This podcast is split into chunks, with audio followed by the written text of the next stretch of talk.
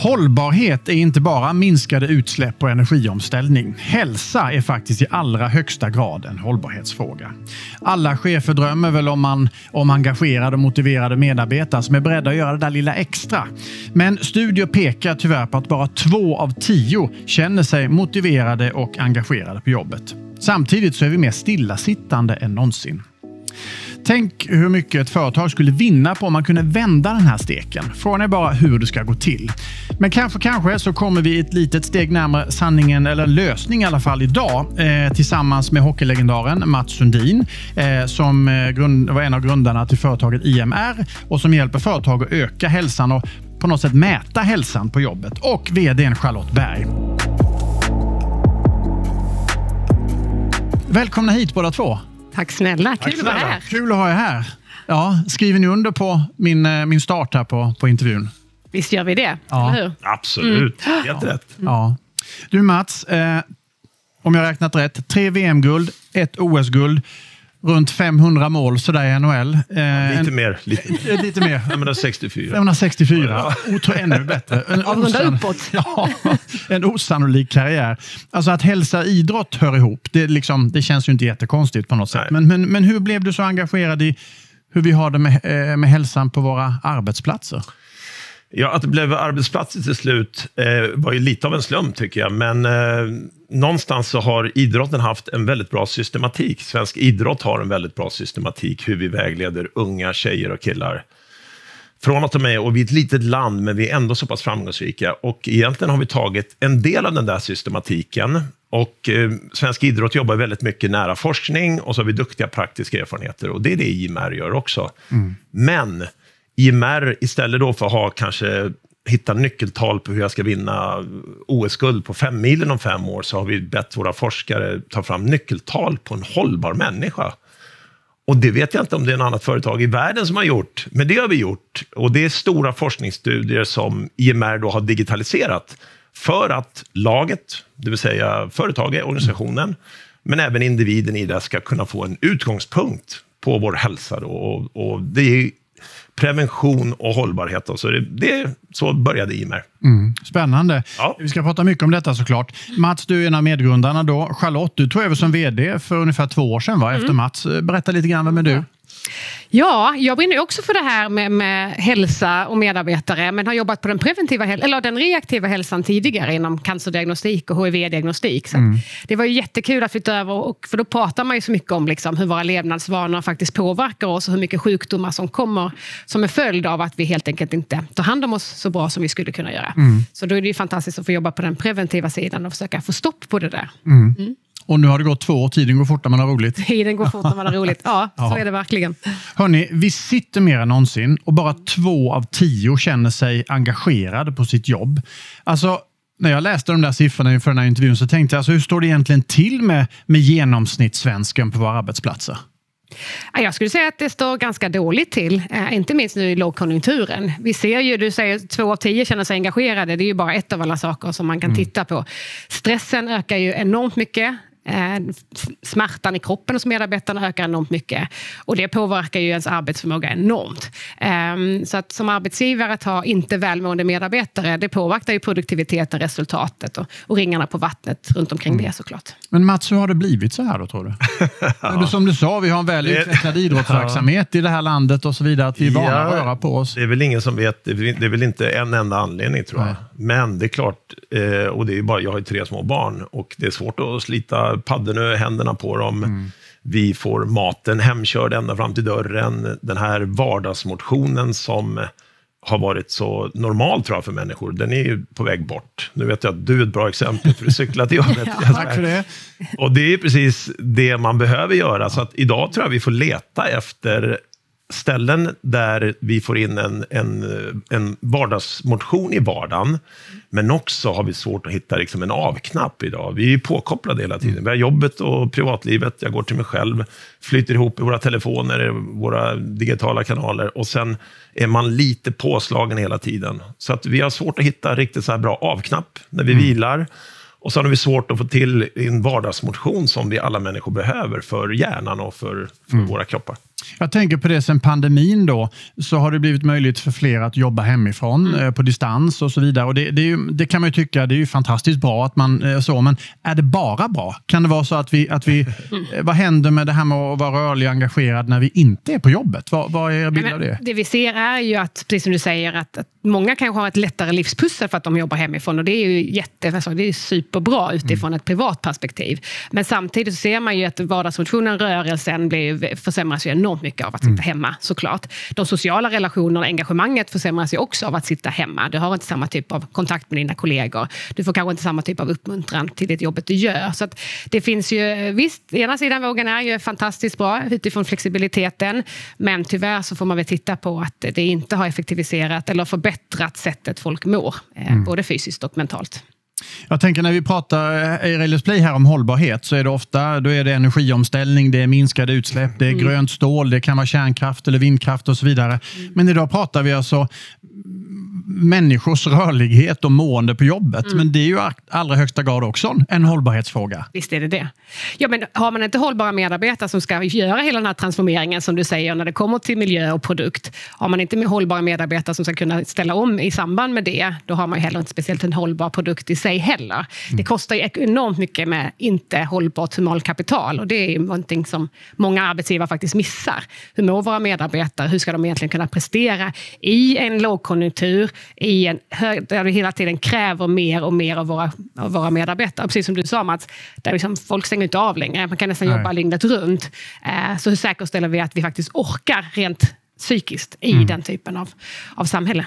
Mats, man har ju hört både en och två chefer säga att medarbetarna det är den viktigaste tillgången vi har i det här företaget. Hur bra tycker du att dagens chef är att ta tillvara sin, sin viktigaste tillgång i så fall? Alltså, jag tror att många har en väldigt god vilja. Ja. Men jag tror att det är få som verkligen har ett system också som kan hjälpa dem. Det är väldigt få som vet också hur mår min organisation på riktigt? Hur mår alla människorna i organisationen? Väldigt få som har en bra koll på det. Och sen framförallt, vad ska jag göra åt det? Så jag tror att det finns väldigt bra intentioner där ute, men det blir väldigt lätt att man har kortsiktiga satsningar, man har inga riktiga system för att jobba långsiktigt med organisationens hälsa. Och det är en ledarskapsfråga. Det är i ledningsgrupperna som man måste fatta ett beslut att vi, ska, vi inte bara ska säga att medarbetarna är vår viktigaste tillgång, utan faktiskt jobba mer över tid också. För det, det tror jag inte är så, pass, inte så bra.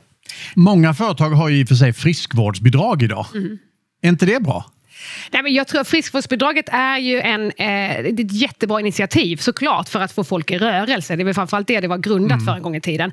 Nu har man ju vidgat det eh, till vad man kan ta ut friskvårdsbidraget till. Med en god intention, självklart. Men tittar man på listan över de mest väl, alltså uttagna sakerna, då är ju eh, fotvård, massage, sådana saker som ligger liksom i topp Ja, då tre. har man sig inte så mycket kanske. Nej. Eh, och det kan ju vara härligt för stunden, det kan ju Ja. vara härligt för det mentala där och då, men liksom en långsiktighet i det hela och liksom få till en beteendeförändring för att orka mer, både fysiskt och mentalt, nej det blir det kanske inte. Och det vi ser tyvärr är ju att många kanske köper sig lite fria av det, för vi vet att ungefär 40 procent tar ut sina friskvårdsbidrag. Det är ganska lite om man tittar på vilken förmån det faktiskt är. Men det många företag gör nu är att de höjer friskvårdsbidraget för de tror att det ska underlätta eller bli lönsamt i slutändan. Men egentligen det man gör är att ja, man kanske ger ut mer pengar men, men man får inte så himla mycket friskvård tillbaka i sig. Men att satsa på personalen, Mats, jag tänker på, är det, är det lätt att se det som en kostnad istället för en lösning? Eller hur man ska uttrycka det. Att det liksom det blir... Det Aha. krävs, en, eh, det krävs ju definitivt en förflyttning i tankeverksamheten i ledningsgruppen. Att tänka att okej, jag vill ha en hållbar organisation och jag vill ha ett system där jag ser hur, hur min organisation mår idag. Men faktiskt se till så att man motverkar negativ stress över tid. Man vill ha en bättre allmän hälsa, psykisk och fysisk. Man vill inte ha så mycket smärta på jobb över tid och det, det ska ju finnas den tanken. Resonemang i ledningsgruppen, Eh, och idag kan man säga att allt sker ju idag, det är en reaktiv, precis som eh, sjukvården idag, det blir, man måste ta hand om människor som blir sjuka och det vill man ju kanske förhindra. Och då måste man också eh, investera i det helt enkelt och investera i medarbetarna på ett annat sätt. Men det, det krävs en, en, en förändring i tankeverksamheten i ledningsgruppen och kanske flytta eh, pengar i budgetar också, inte bara reaktivt. Charlotte, jag tänker på eh, då, om ni då kliver in på ett företag och får ett uppdrag att, att göra det ni kan, så att säga, det vill Mm. säga skanna av måendet hos personal. Hur, hur, alltså väldigt sådär kort, man ska säga. Hur, hur går det till när ni kliver in och sätter igång? Vad är det ni gör då? Nej, men då är vi precis som Mats sa, att vi har ju nyckeltal för att se hur, är, hur mår den här organisationen, hur mår individerna? För i slutändan så är det ju varje individ som vi måste få att må bättre. Så att vi går in och så får man svara på ett visst antal ganska korta validerade frågor för att kunna kartlägga hur mår den här organisationen? Hur mycket stress finns det, den här negativa stressen? Hur mycket smärta finns det? Vad, hur är allmänna hälsan?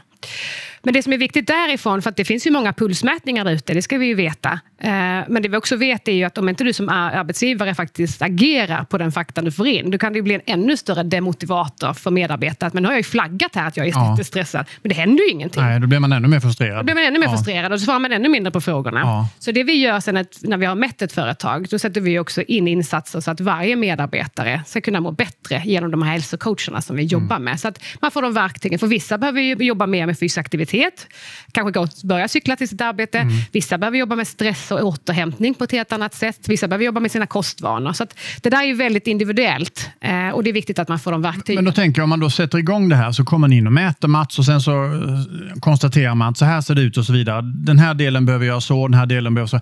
Alltså, finns en risk att det stannar vid det? så att säga? Man har, man har skannat av och mätt, så här ser det ut. Men när man måste göra konkreta saker, alltså, ingår det i dealen med att Det jätte- nu, ska vi göra det här? Eller kan det är det en vara... jättebra fråga, men vi vågar nog säga att vi har ju en superexpertis på IMR som har byggt vårt system. Så att, och jag kan bara förtydliga det Charlotte sa, att om man tittar på de här nyckeltalen vi har tagit fram, så är det alltså stora forskningsstudier som vi har digitaliserat. Så när en, en ledare för en organisation eller tittar på det här första gången, så är det första gången de ser dem i... Man mäter mot eh, den här, vi har en fråga runt allmänna hälsan till exempel. Den innefattar fysiskt och psykiskt. Den gjorde en väldigt lång tid, väldigt mycket människor, miljontals människor. Det blir ett väldigt konkret, och ett, vi, vi gillar att säga det, för det skiljer sig mot de här andra hälsomätningarna. Det är ett validerat mått. Det gör också att över tid när man mäter igen om sex eller månader eller ett år, då kan man också, de här förändringarna är de facto förändringar, vilket är viktigt. Och det gäller alla nyckeltal. Och sen så vet vi då att det är massa olika faktorer. Hur ska man skapa förändring? Jo, då vet vi också vad det gäller hälsa. Då måste man faktiskt få sitta ner med de personerna. Så att vårt system då, då är det ett digitalt system, men man har möten med hälso. I vårt fall så jobbar vi mest med hälso, hälsocoacher. Många är hälsopedagoger. De har en femårig akademisk utbildning. Levnadsvanor, beteendeförändring. Och så försöker man hjälpa individer. Och du vet, alla ser ju väldigt olika ut vad man vill ha hjälp med. Men att skapa en, eh, en förståelse för vad det är och vad kan jag göra och alla olika situationer. Skapa förbättring. Vad får man vara beredd eh, som, som företagsledare då, eller HR-chef eller vad nu kan vara, tänka, eller hållbarhetschef på ett jobb. Okej, nu gör vi det här. Eh, vilken horisont måste man ha för att se att det ger resultat? Det är en bra fråga. Ja, och där vet vi. Vi önskar ju att vi hade kunnat vara... Alltså vi har ju skapat ett samhälle där vi helst vill hoppa på en tre veckors utmaning eller en sex veckors utmaning och sen ska man må bra. 60 sen, weeks of hell eller något 60 sånt där. weeks Ja. of hell, precis. Och det är ju säkert superhärligt. Det man vet Ja. är att det inte är en bestående beteendeförändring. Så att ganska snabbt ramlar man tillbaka i gamla mönster. Så att vi säger ju det till många av företagen vi jobbar med, eller till alla företag, så här, det finns ingen quick fix på det här, utan det här är att jobba långsiktigt med, med just om vi vill få till en beteendeförändring när det kommer till stress och återhämtning och, och allmänna hälsan. Så, så att vi vill ju jobba långsiktigt och många, majoriteten av alla företag vi jobbar med har ju varit med oss under flera år. Just med då, eh, sikten att kunna förändra på riktigt. En annan fråga som jag funderade på, jag har funderat på många frågor i och för sig, men det är intressant det här. Ser ni någon, någon genre eller någon typ av yrken eller vad det nu kan vara eller så, som, är, som mår sämre än någon annan eller sådär? Är det, är det, eller är det bara väldigt spritt? Eller går det att tyda någonting från era siffror vad det gäller olika företag eller olika typer av arbete? Vi kan tyda väldigt tydligt Ja. att eh, kommer det till tjänstemannasektorn, där finns det betydligt mer stress inblandat. De har en oftast en ganska god fysisk aktivitet, men då finns det stressfaktorer på grund av arbetsbelastning. Tittar vi på arbetarsektorn, då är det mycket kopplat till, till dålig allmän hälsa och smärta framför allt. De kan jobba fysiskt med sina kroppar under dagen i olika typer av positioner och därmed har de också lite ont och det gör att de kanske har då sämre fysisk aktivitet och rörelse på kvällen, vilket betalar sig i form av att de inte mår så bra som de skulle kunna. Så vi ser olika, det vi ser är ju att, att det är ungefär lika mycket ohälsa, men lite olika beroende på vilken grupp vi jobbar med. Vad är, hur, hur, hur, kan en chef då agera för att engagera och inspirera sina medarbetare? Alltså och ta mer ansvar för sin egen hälsa. För det handlar det ju också om såklart. Det är inte bara jobbet som utan man har ju ett eget ansvar också såklart. Men hur, men hur engagerar man? Ja, liksom? men det, är, det är jättebra. Jag tror många som vi träffar ledningsgrupper, och nu har vi ganska många kunder, som där krävs det, det första när man sätter sig ner in och träffar en ledningsgrupp eller beslutsfattare, så krävs det en förflyttning i tanken. Och många måste ju åka hem och fundera en kväll. Är det verkligen mitt ansvar mm. hur eh, mina medarbetare som vill jag ens veta hur de mår? Kan ju vissa fråga sig. Men är du en ledare, och jag har varit ledare och lagkapten i landslaget många år, så är det otroligt viktigt att man får med sig alla på sin arbetsplats. Vi tycker det är självklart att i ledningsgruppen så har man ett ansvar om man har möjlighet att se hur mår vi och ska vi jobba aktivt för att hälsan på vår arbetsplats ska bli bättre. Så att, mm Eh, och självklart, vi har jättemånga ledare tror jag som tror jag, köper in i det vi säger, som själva tränar, cyklar, de, de är väldigt aktiva. Men eh, det krävs en liten förflyttning, för först måste man ta det här beslutet. Är det mitt ansvar? Ska jag verkligen se till att ta reda på hur vi mår som organisation och faktiskt jobba med det aktivt över tid. Och, i, och då också är det ju eh, ekonomiskt så måste investera i det. Mm. Det är en förflyttning. Om vi avslutar den här intervjun med att liksom, eh, jag ska inte säga drömma, men då, liksom någon slags önskebild så att säga. Om vi då lyckas lösa det här, att vi blir rörligare, vi blir, mår bättre på jobbet, vi blir mer engagerade på jobbet. Vad skulle det ge både medarbetare och företag? Alltså, om, vi, om ni ja. tillåts liksom måla upp bästa scenariot. Ja, men vi hoppas vi samarbetar med, med ett företag, ett stort företag nu. Jag tyckte det var så fint när de pratade om detta, att de hoppas liksom att när de får deras medarbetare må bättre så blir det också ringa på vattnet. Det vill säga att deras partner, deras barn, mm. deras vänner kanske också får ta del och det spiller liksom över. Mm. Och någonstans tror jag att liksom, när du startade i med tillsammans med de andra medgrundarna så var det ju med visionen att kunna påverka folkhälsan som mm. vi ser går ju liksom jättesnabbt utför. Så mm. Det är klart att vi vill starta med näringslivet men att det också ska smitta av sig vidare för att få stopp på det här med den, framförallt den psykiska ohälsan som ju skenar jättemycket. Mm. Nästan 70 procent av alla sjukdomsfall som startas i vården är kopplat till psykisk ohälsa. Mm. mm. Det är jätteskrämmande. Det var jättekul att ni kom hit och höra mer vad ni pysslar med. Väldigt viktigt. Alltså, eh, Mats Sundin och Charlotte Berg från företaget IMR som mäter och analyserar hälsan eh, bland medarbetare på, på olika företag och sen jobbar vidare med det för att få en allmän eh, höjning av både den mentala och fysiska hälsan helt ja. enkelt. Tack snälla för att ni tittar på Railers Play. Eh, håll utkik, snart kommer det fler intervjuer. Hej då! Du har lyssnat på podden Nytänkarna med Jesper Börjesson. Vill du se en filmad version av det här samtalet och andra intervjuer så finns vi på Youtube och där heter vi Railers Play. Tack för att du lyssnade!